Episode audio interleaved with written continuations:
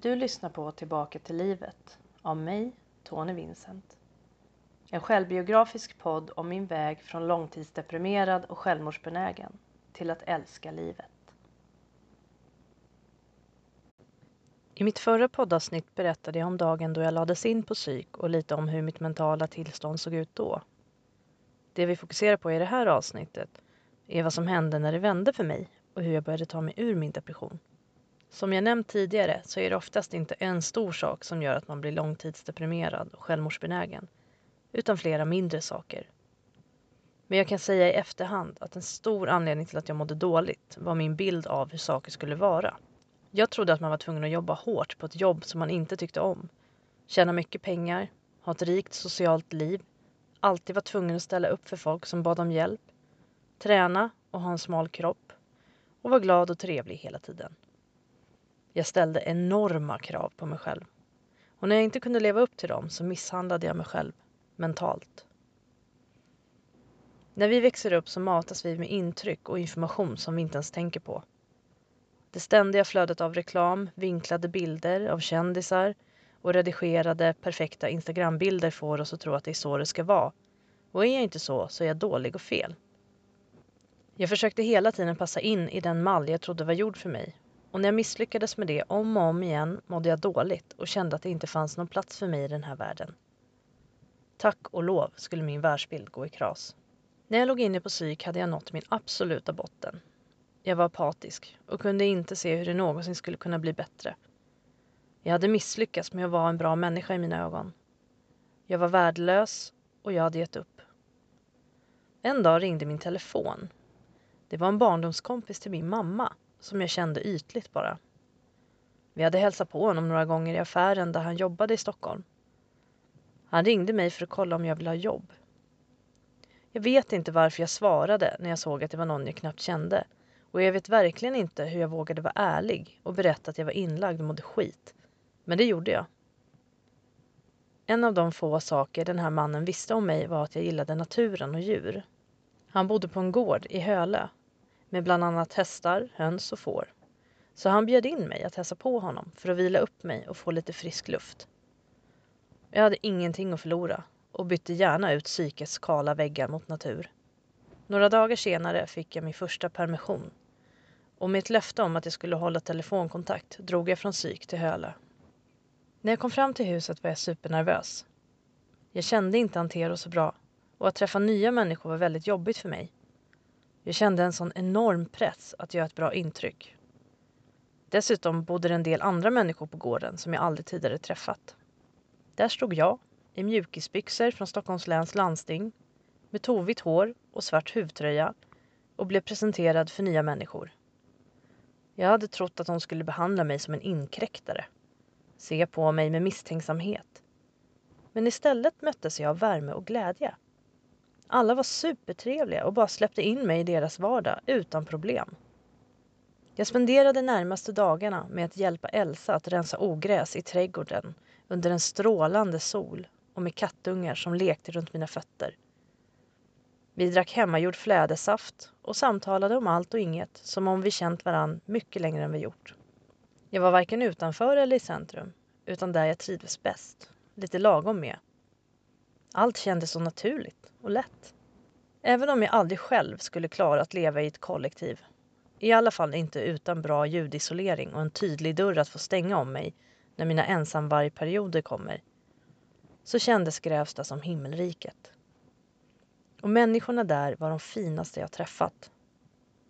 Och det viktigaste av allt. Den första gången som jag var där öppnades mina ögon för det som skulle bli början på min väg tillbaka till livet. Här bodde människor som var olika. En del jobbade heltid, en del anpassade livet för att kunna jobba lite mindre. Ingen var den andra lik, men de verkade så lyckliga. Så fria och öppensinnade. Alla hade hittat sina egna vägar i livet. Antero ägde ett stort hus och hade råd med det för att han hyrde ut rum till sina vänner. Tidigare hade jag trott att man måste bli rik för att kunna leva det liv de levde. Att ha en gård med djur är ju rena drömmen. Men här fanns det levande bevis framför näsan på mig att det alltid finns en väg till det liv man vill ha.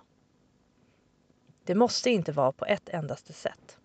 Gemenskapen och hjälpsamheten emellan de som bodde där. Deras sätt att bara acceptera en som man är med öppna armar. Det gjorde ett så innerligt starkt intryck på mig och fick mig att inse att jag hela mitt liv jobbat i motvind. Inte konstigt att jag mådde dåligt när jag försökte kväva det mesta som var jag och bli någon annan person som jag trodde folk skulle gilla. Visst, jag vågade klä mig svart och lyssna på egen vald musik.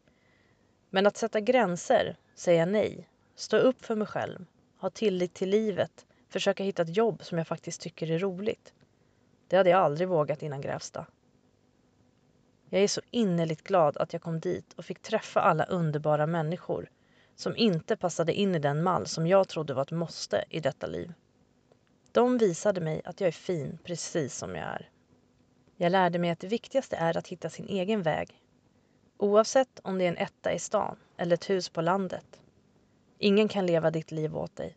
Du måste göra det. Om man försöker leva efter andras krav, oavsett om de är uttalade eller påhittade i vårt huvud, kommer vi aldrig att bli lyckliga på riktigt. Visst, du kan förlora människor om du slår dig loss, vågar trampa upp nya stigar och ta reda på vad som faktiskt gör just dig lycklig. Men människor som inte älskar ditt sanna jag, det är inte människor du behöver i ditt liv. De kommer att göra dig olycklig. Om vi nu bara har ett liv, eller skitsamma, även om vi skulle ha fler liv, ska vi inte leva det liv vi lever nu fullt ut. Vi har ju ingen aning om hur många år vi får. Varför slösa bort dem på att försöka vända ut och in på oss själva för att leva upp till någon annans ideal? För mig var det en enormt befriande känsla när jag insåg att jag aldrig mer behövde försöka vara någon jag inte är. Från och med då skulle jag försöka hitta mig själv, mitt sanna jag. Djupt inrotad bland andras åsikter, alla intryck, falska sanningar som skickats ner i generationer. Det var verkligen inte enkelt i början. Vi är vanemänniskor och att bryta vanor, även sådana som är skadliga och får oss att må dåligt, tar emot och kräver styrka. Att bryta med människor som bara sög energi från mig eller att sätta gränser tog mig flera år att lyckas med. Jag hade ingen aning om hur jag skulle göra, vad mitt första steg skulle vara. Det var som att lära sig att gå från början, innan man ens visste att man hade ben. Därför tog det tid. Jag hoppas ju innerligt att jag kan dela min historia och hjälpa andra människor som mår dåligt att hitta sin väg och att det ska gå snabbare än det gjorde för mig Genom att dela mina erfarenheter kanske jag kan underlätta för andra. Efter Grävsta har jag läst åtskilliga självhjälpsböcker, gått på föreläsningar, kurser, gjort skrivövningar, gått i terapi, pratat, mediterat och skrivit, skrivit, skrivit för att försöka hitta kärnan av mig själv. Alla saker jag har gjort har tagit mig ytterligare en bit framåt. Jag kommer att dela med mig i podden av flera verktyg som kan hjälpa dig om du mår dåligt. Och de insikter som jag har fått på vägen. Vi är alla olika människor och du behöver prova vad som funkar bäst för just dig. Någon kanske har lättare för att meditera medan för en annan kanske lugna promenader i skogen hjälper bättre. Eller kanske att köra folkrace. Möjligheterna är oändliga. Ingen känner dig som du. Men jag är här för att göra den resan tillsammans med dig. Vi hörs snart. Kram från Tony.